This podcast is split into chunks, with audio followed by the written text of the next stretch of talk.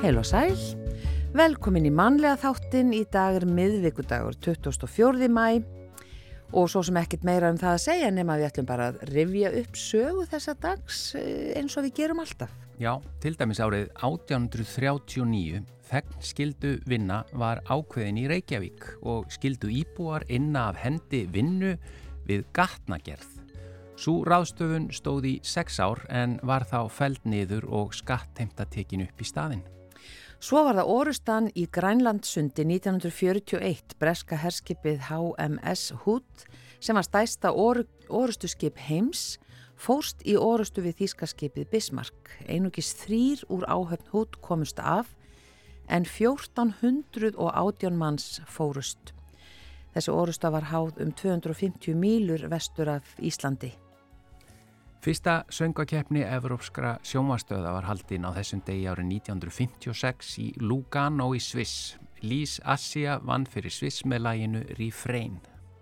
Mokkakaffi á skólafurustíg var opnað á þessum degi 1958.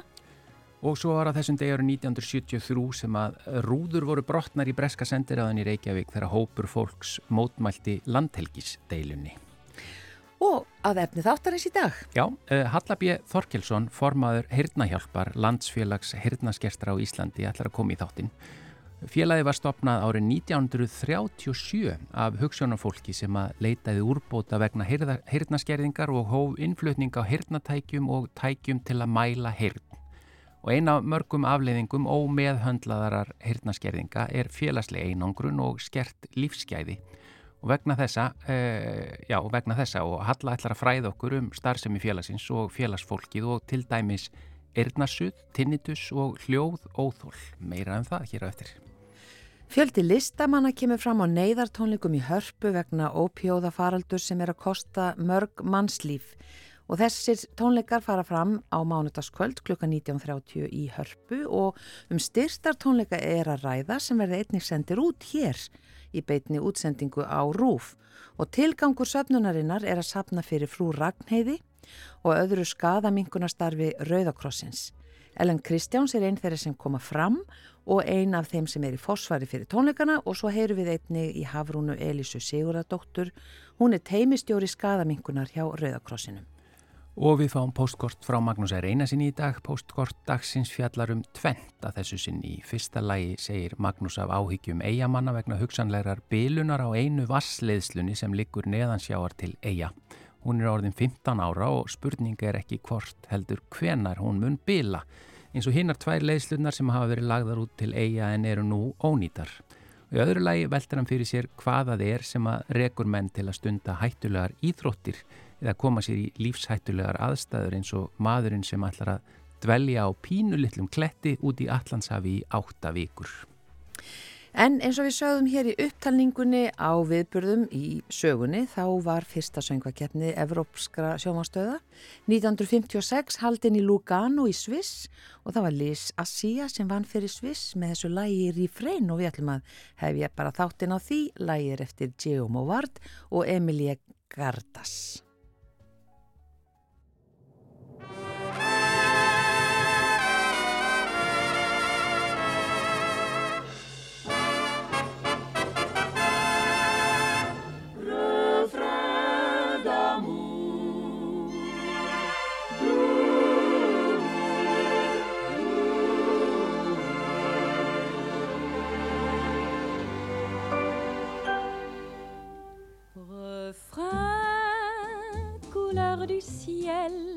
Parfum de mes vingt ans. Jardin plein de soleil où je courais enfant. Partout je t'ai cherché, mon amoureux lointain. Étant par les sentiers où tu prenais Maman, nous s'en sommes allés et nous avons grandi.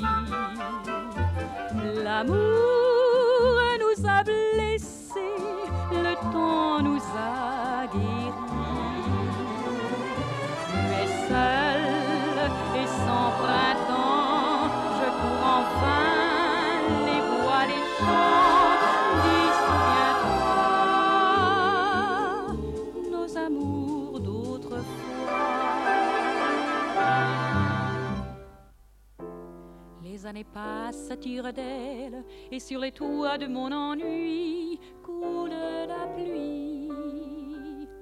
Où sont partis les caravelles, volant mon cœur, portant mes rêves vers ton oubli? J'aurais voulu que tu reviennes comme jadis, porter des fleurs à ma persienne et ta jeunesse en mologie.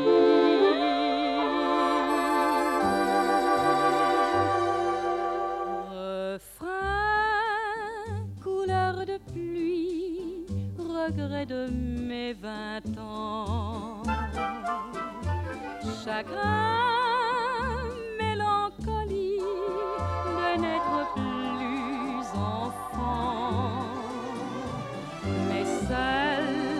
loin de toi,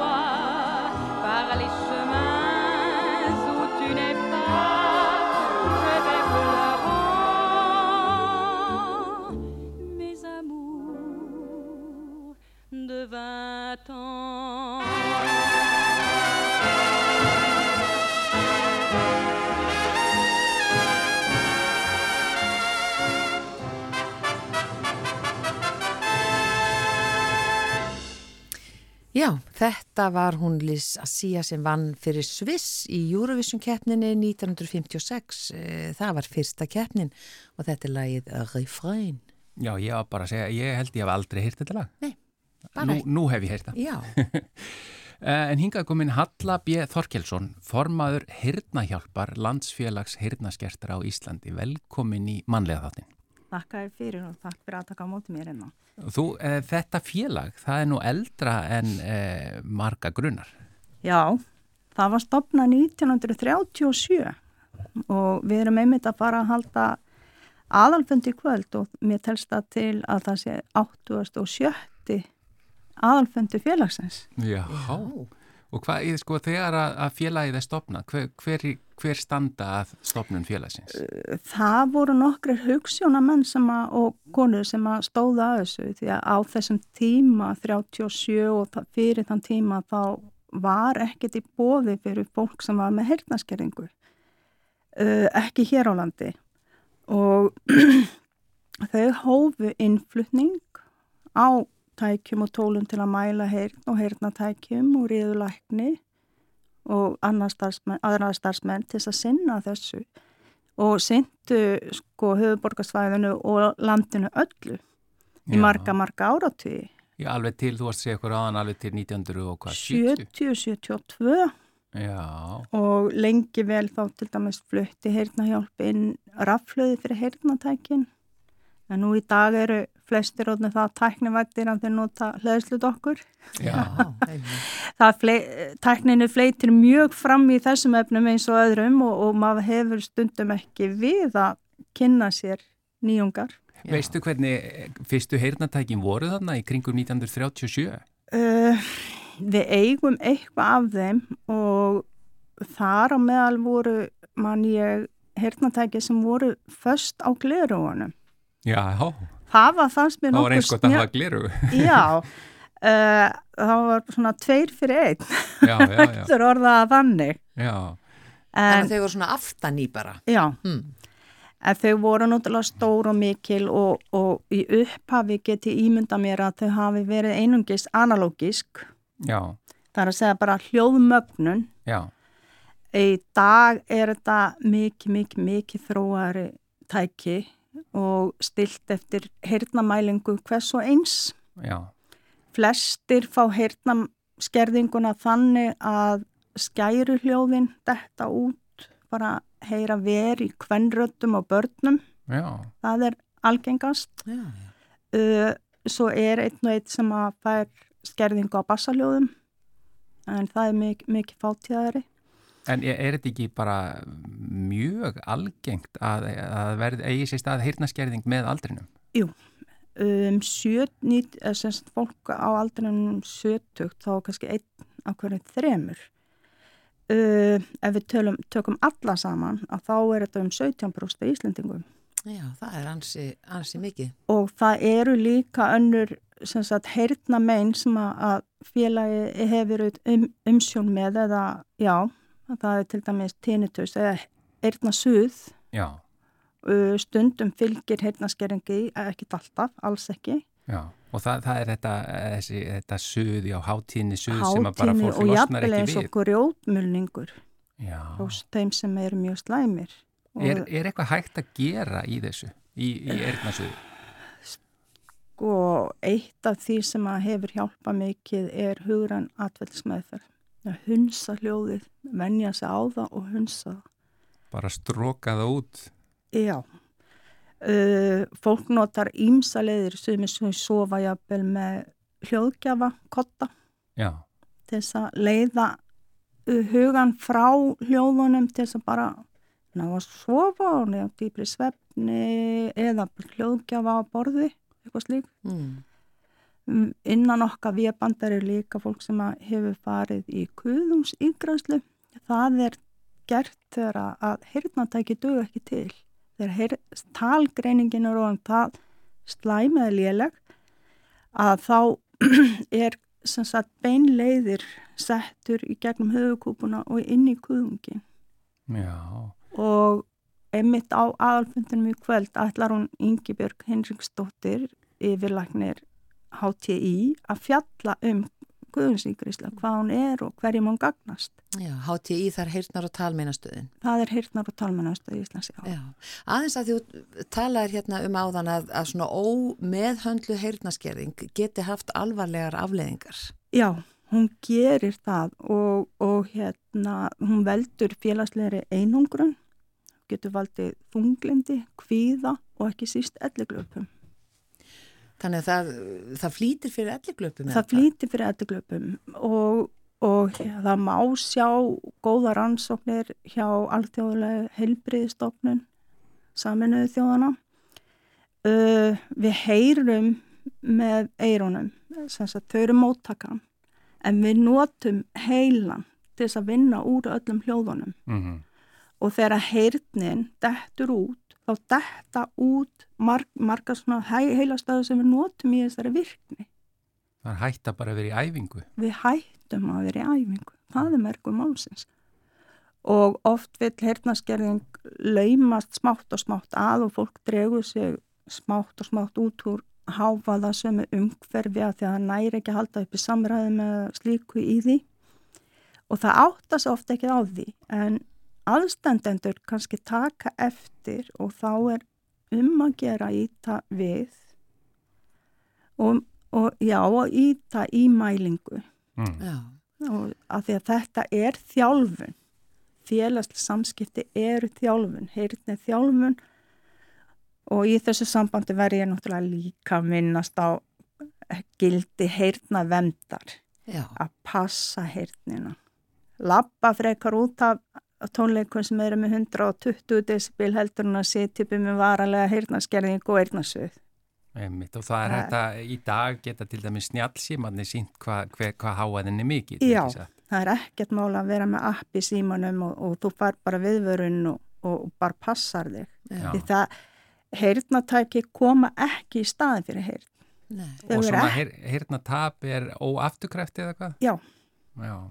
Þú talaði líka um að, að það væru ekki, að, já það væru ennþá þessi svona inn að gæsaleppa kannski fordómar getur við sagt e, gagvart heyrnartækjum, það er ekki allir tilbúinir að bera þau bara Já, bara, hafa þau sínileg Já, hafa þau sínileg já. að, þau skammi sín fyrir það eitthvað slíkt Já, það verðist vera að við hér á Íslandi eigum svolítið lengra í land með þetta heldur en til dæmis á Norðurlöndunum. Heyrna hjálpið verið mikið í samstarfið við Norðurlöndun um þessi málefni. Og þar er við horfið miklu svona afslappar á raunhæfara gagvart heyrnatækjum, heyrnatæki eins og til dæmis það sem ég er með, það gerir mig kleift að heyra uh, en það þjóna sama tilgangi og airpod. Já, þú, þú veist, getur hlusta hljóð, Hljóði, ef einhver ringir í mig þá berst það bara beint í heyrnatækin ég hlust á sögur, ég hlust á tónlistina og allt streymi sjónvarpi bara í heyrnatækin þetta eru snjáltæki mm. og þetta krefst þess að við þurfum að vera svolítið að læra svolítið á snjáltsíman okkar. En það er náttúrulega bara skemmtilegt að læra eitthvað nýtt. Og öðlast segja, nýja viti í þessu. Og þau eru orðin það lítil í dag og þau valla sjást sko. Og, Já og, og, og hvað með það þó þau sjáist? Nákvæmlega. Ég fekk mér einmitt einu sinni eldröð tæki bara og var í því að vera með hárið uppi til þess að láta þau sjást vegna þess að þetta er ekkert til að skamma sig fyrir. En það, það við vorum við að heyra ekki miskilja og verða út undan. Það ætti að vera á, á undanhaldi en En hvernig með batteri eða rafluðunar í svona að því þau eru orðin svo lítil, duga þau alveg í gegnum heilan dag?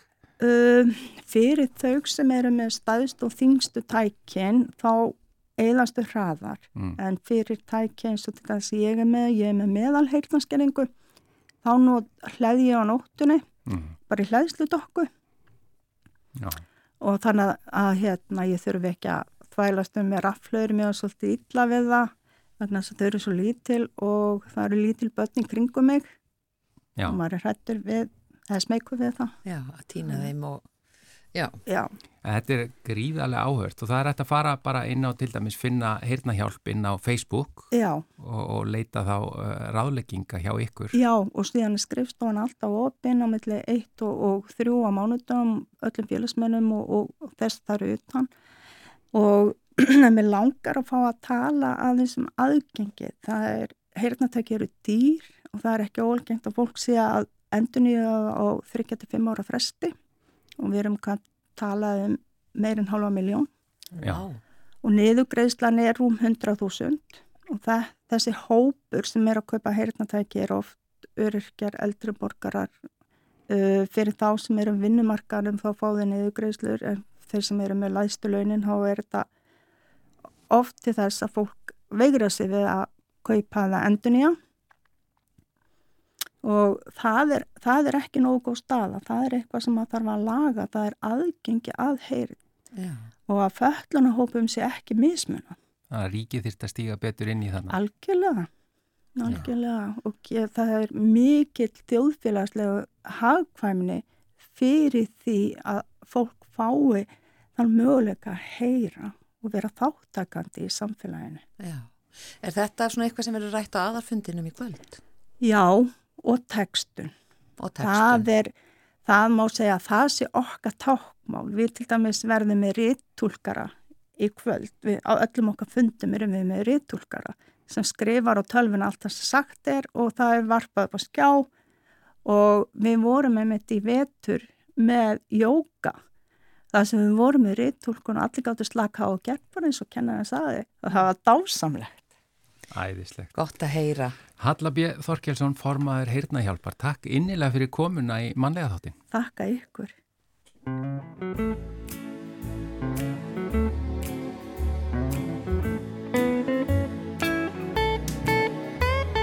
Heldastundum herpist mægi og hellist yfir kvíðakast Ekkert finnst ég veri í lagi og raskat ekki hendi fast. Reyna að vera gutt í gægi Gerbrúður og tröstur fýr. Þetta verður allt í lagi. Á morgun kemur dagur nýr. Með áhyggjunum fara Hefur aldrei rettan einu hér. Leifðu sjálfum þér að lofa Ljúfu kæru leysa stjórna þér. Þó að lífi burt mér þeiti Þá verð ég samt að segja takk. Hvaðan kom ég hvað ég heiti Ég er Kitty Cadillac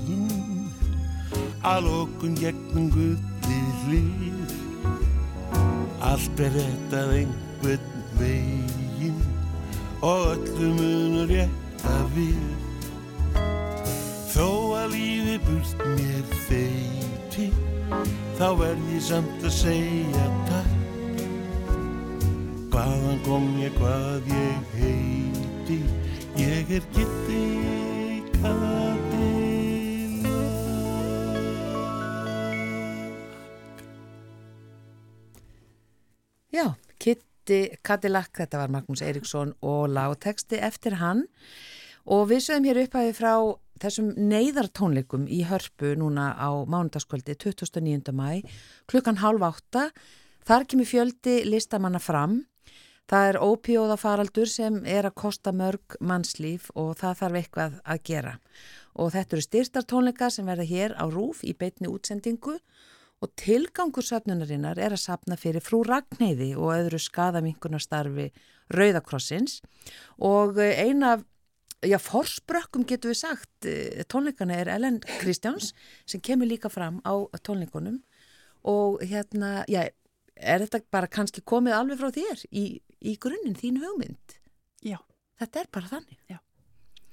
Og hvað, hérna, hvað var til þess? Uh, það var ungur frændi minn sem að bljást eftir uh, overdose Já. og Mm. hérna og svo var ég upp í bústa og ég var bara að hugsa mikið um þetta og, og þá, þið vitið, þá fer bara hvað get ég gert og svo, ég get náttúrulega ekkert gert einn, svo fer maður bara stað Mm. og allir vildi vera með og það, það er bara þannig þannig ég er svo sem ekki einn en ég var með hugmyndir Já, og þú leittir þessa þræði já, já, já. svona saman. Og, og, og eitthvað ótrúlega bara kraftaverk veist, að fá eldborg og, og öll þau sem vinna þar um, eru bara ótrúleg og, og svo náttúrulega rúf og rauðikrossin þannig að þetta er þessi þrenning. Þessi þrenning. Og þetta eru styrtartónleikar Mhm. og, og hérna það er þetta skadaminkunastarf frú Ragnæða sem við Já.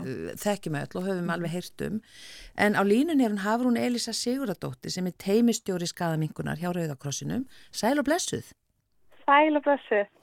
e, bara segð okkur aðeins frá ykkar starfi og svona uh, já, hversu umfangsmikið það er. Já, uh, frú Ragnir er svona sjálfbóðlega verkefni hjá Rauðarkossunum og við erum staðsveitin á höfubróksvæðinu og, og erum líka með verkefni af suðinu sem makuriri og við störfum eftir þess að skadamingandi hugmyndfræði og þegar ég segi skadamingun þá svona flóti bræði snýstur um að reyna að minga þann skada sem getur hlótast við til dæmis výmöfn nótkun og þá erum við ekki að reyna að koma veg kannski fyrir nótkunna sjálfa heldur erum að reyna aðstáða fólk við að vera eins örug og hægt er í nótkuninu sjálfri.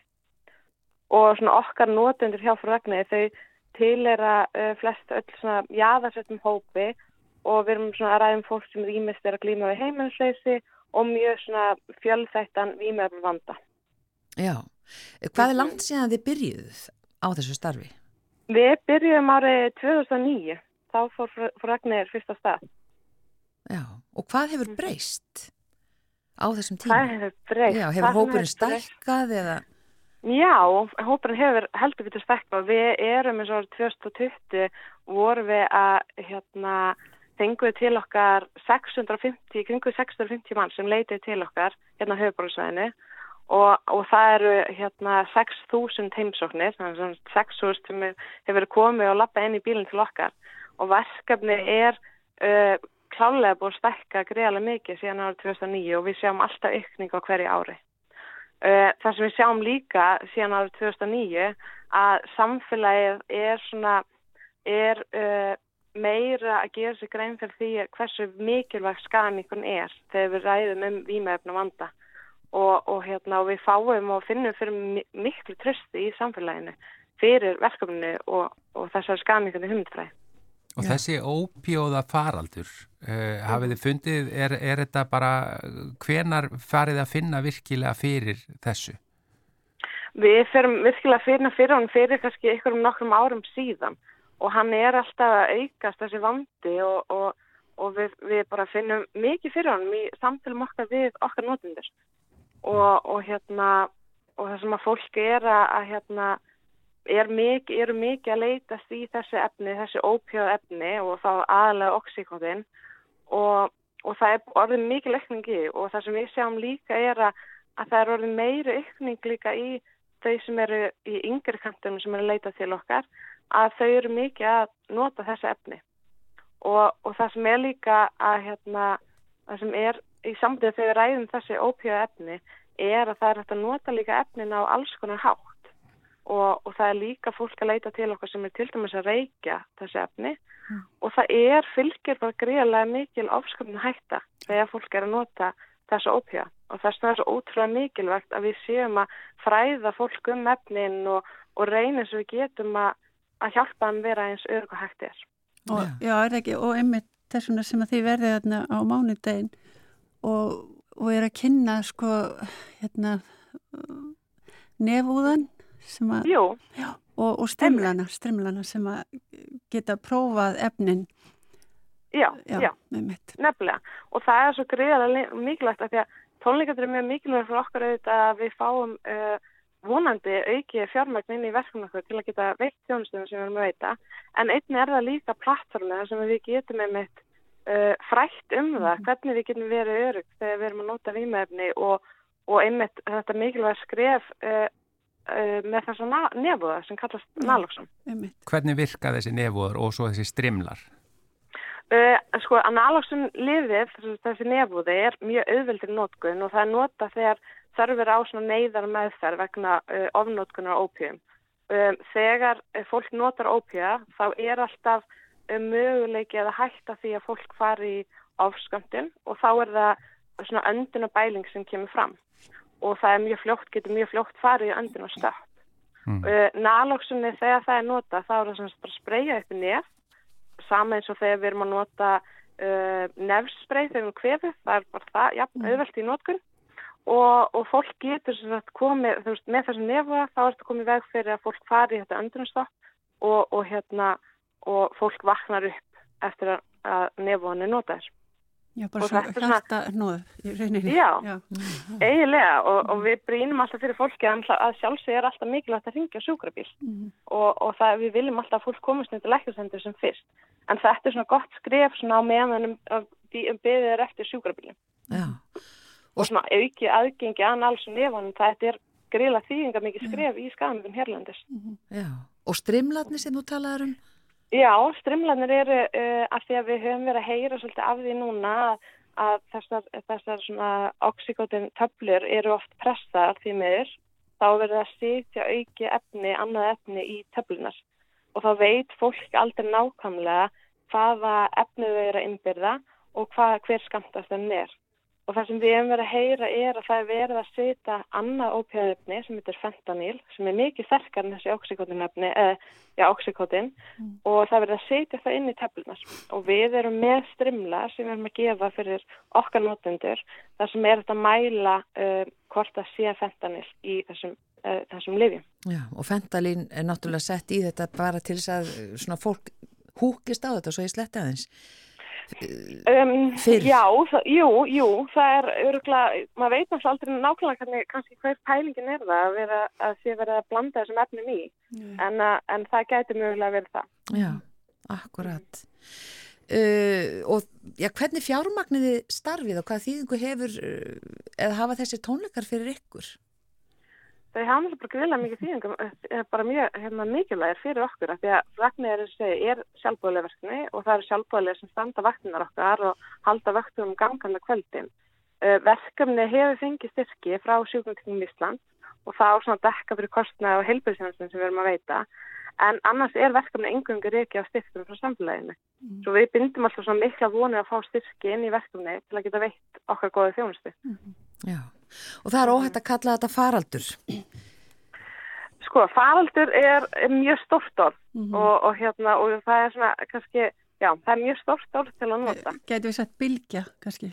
Já, bylgja og við erum klálega og við tökum yfir það að við erum að sjá að að fólk sem er að leita til okkar þau eru mjög hrætt og þau eru Mhm. hrætt um að þau veit ekki hvað efnið eru einbyrða Mhm. og svo bara sína tölu það líka að fólk er að deyja Já, og þá er útrúlega mikilvægt og, og þá verðum við að bregðast við og Mhm. við þurfum að bregðast við mjög hratt.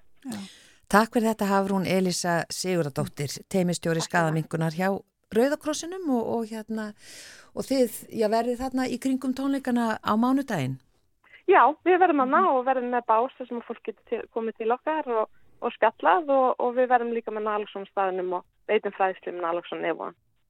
Kæra þakki fyrir þetta. Kæra þakkir. Og kannski bara hérna áframelin, þú ert náttúrulega bara að stá kafi undirbúningi og þetta Já. er bara á mánudaginn, Já. annan í kvítasunnu. já. Já, og hvað er svona, hvað er að gerast þessa dagana? Ertu búin að ná í alla listamennina? Já, allir listamenni löngu komnir inn og, og, og hérna búa og hljómsveit og, og þetta er bara frábæri listamenn sem er að koma og, og jafnvel fleiri en við þurftum aðeins að það var svo margir sem vildi vera með Já. þannig að við gerum, gerum þetta sjálfsög aftur eftir, og hérna og, og svo erum við bara, já var að tala um fórsetan í gær og, og, og Grím Grímsson í morgun og, Já, fá alla vinkla og bara allar upplýsingar um þetta og, og bara að þetta sé raunverulegt. Við erum að tala við aðstendendur líka og, og hérna og krakkar sem hafa mist vinið sína. Þannig að, og, en allt er að smetla saman í hörpu og, Þetta er og langur við erum, að, við erum að tala um sko, við erum að tala um að hver einusti maður sem kemur að þessu er að gefa vinnuna sína. Þannig að þetta er, Það fer allt í frúragniði. já, allt í frú, já, allt er rauðakrossins, al, algjörlega og í forvarnar störf og, og frúragnið. það er magna, bara tækni fólk og bara allt, Allir, hver, hver einasta manneska sem kemur að þessu. hver einasta manneski sem kemur þessu, Já. það, er- það er bara þannig. Magnað. Þegar við tökum okkur saman. Já. Já. Þetta er á mánudaginn, eh, 29. mæ, klukkan 19.30. Já. Þetta er bara Bubbi og Raka Gísla, Múkisson, Sistur, MC Gauti, Nanna úr Monsters of Men, Jónas Sigun, Una Torfa, Ólafur Bjarki, Elín Hall, Herra Netusbjör og. Ellen Kristjánsdóttir. Já. Og, og, og fullt af tónlistamönnum, það, er- Magnús Jóhann og það er Bjarni Fríman, það er Bryndís Halla, uh, Tómas Jónsson og margir í það að setja þann lista líka fram, það má ekki gleyma. Og miða verið stilt í hóf. Já, 3000 krónur, Já. það er bara bókstæðlega verið uppsæl. Akkurat. Mm, Og svo má náttúrulega leggja inn á, og svo má leggja inn, já, inn á reikning. Þetta Mhm. kemur allt eh, hérna fram á síðunni. já, kemur allt fram að síðan. Já, hérna inn á harpa.is, til dæmis er hægt að sjá það. Vaknaði, já, Já. neyðartónleikar. Kæra þakkir Ellen Kristjánsdóttir fyrir að koma hérna og ba- bara takk fyrir að hafa hrundið þessu af stað. Já, bara takk sem leiðis fyrir að hafa mig. Heyrðu, já.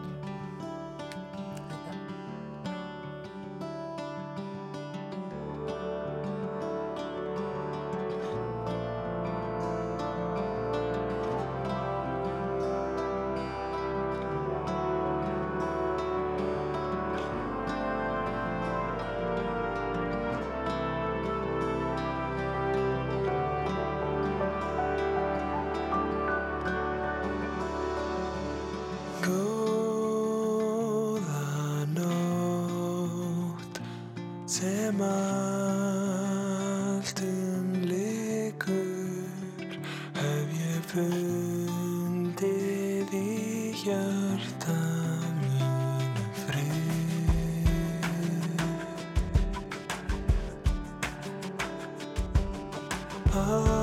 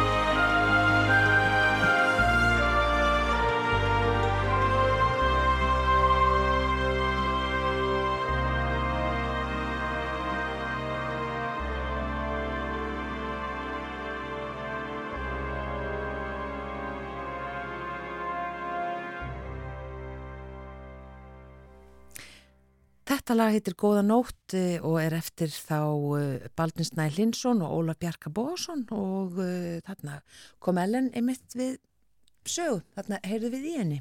Já, nú er komið að postkorti frá Magnúsi R. Einarsinni. Heil og sæl.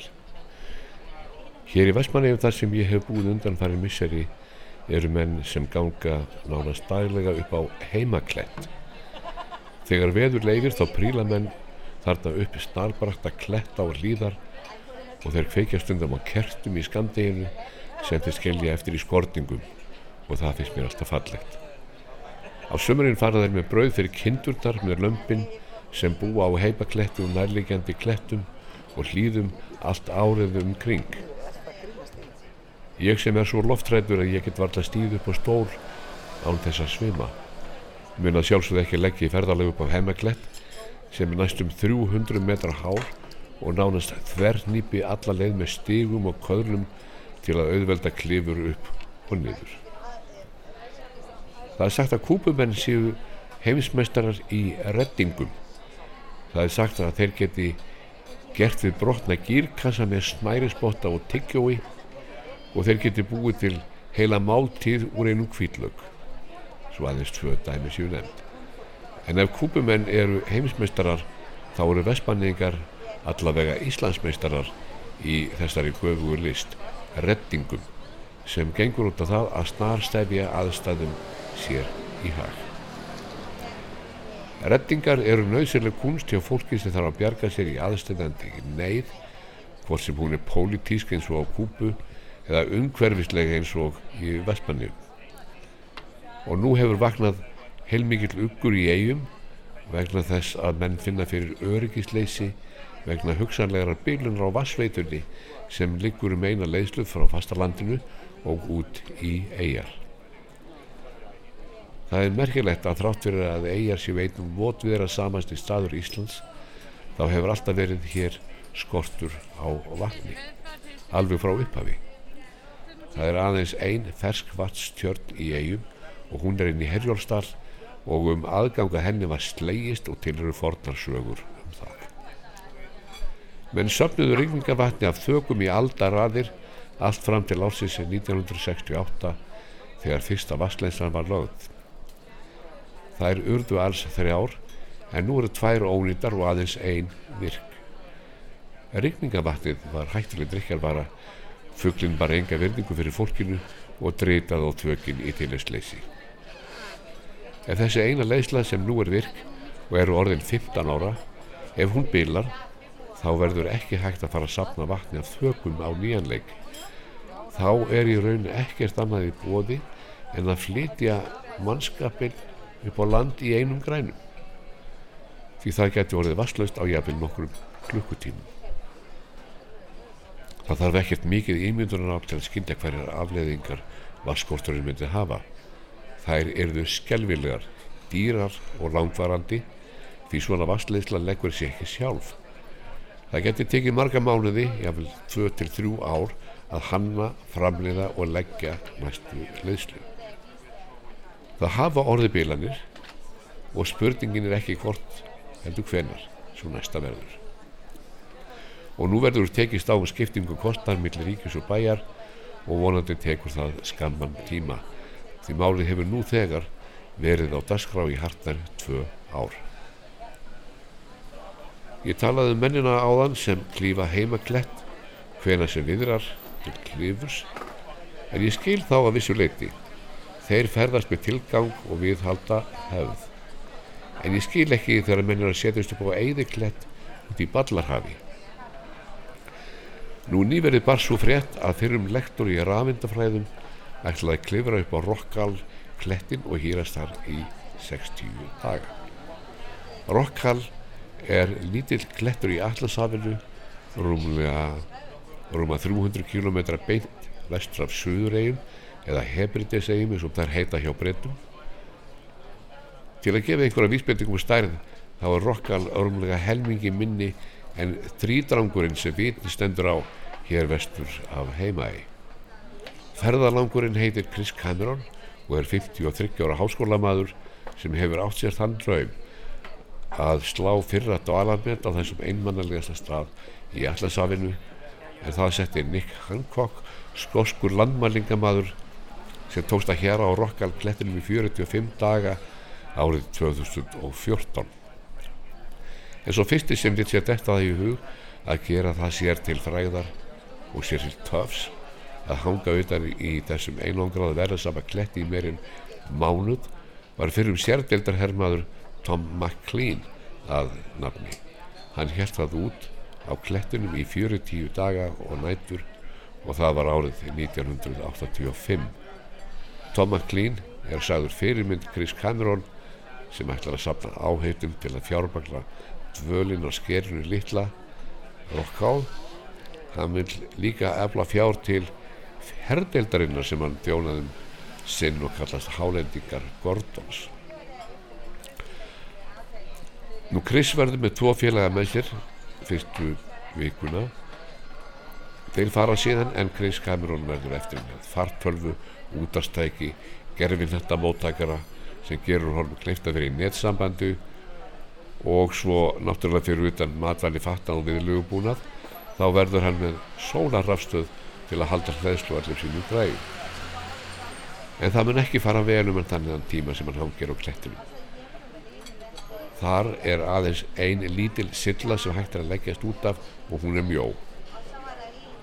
En hvað er það sem gerir það að verkum að menn koma sér í þessar aðstæður, þraungar, hættulegar og heimskulegar aðstæður.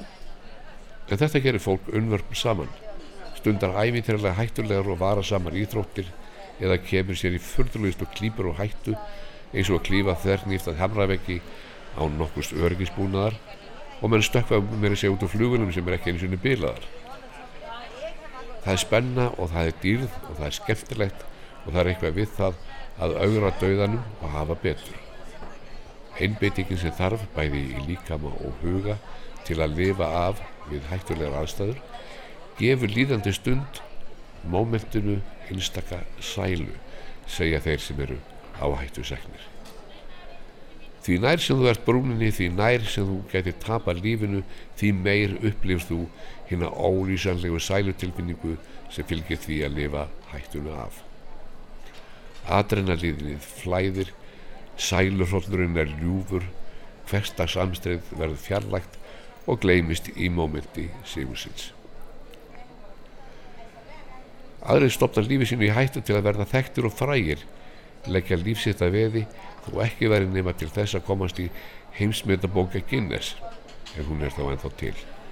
En verða í mörgum tilfellum aðeins allræmdir og gleimanlegir. Það verður silt með Chris Cameron núna í vikunni út á Rockhall. Hann settur í land eða frekar á klett þar sem hann verður bókstælvega á brúninni í tvo mánuði 17 metrum fyrir ofan allansafið á örmjórri sílu ef maður gerst á ykkur upp þar að segja. Kannski er hann Chris að leita að aðdáðan og fræð sælu og unaði kannski er hann að leita sjálfum sér að finna út úr hverju hann er gerður þráttur að vera komin vel á 60s aldur. Hemingway lætur hinn nýraða greffi greif að segja í bókinni Vopnul kvöld maður verður ekki vitrari með aldrinum. Maður verður bara varkhórari.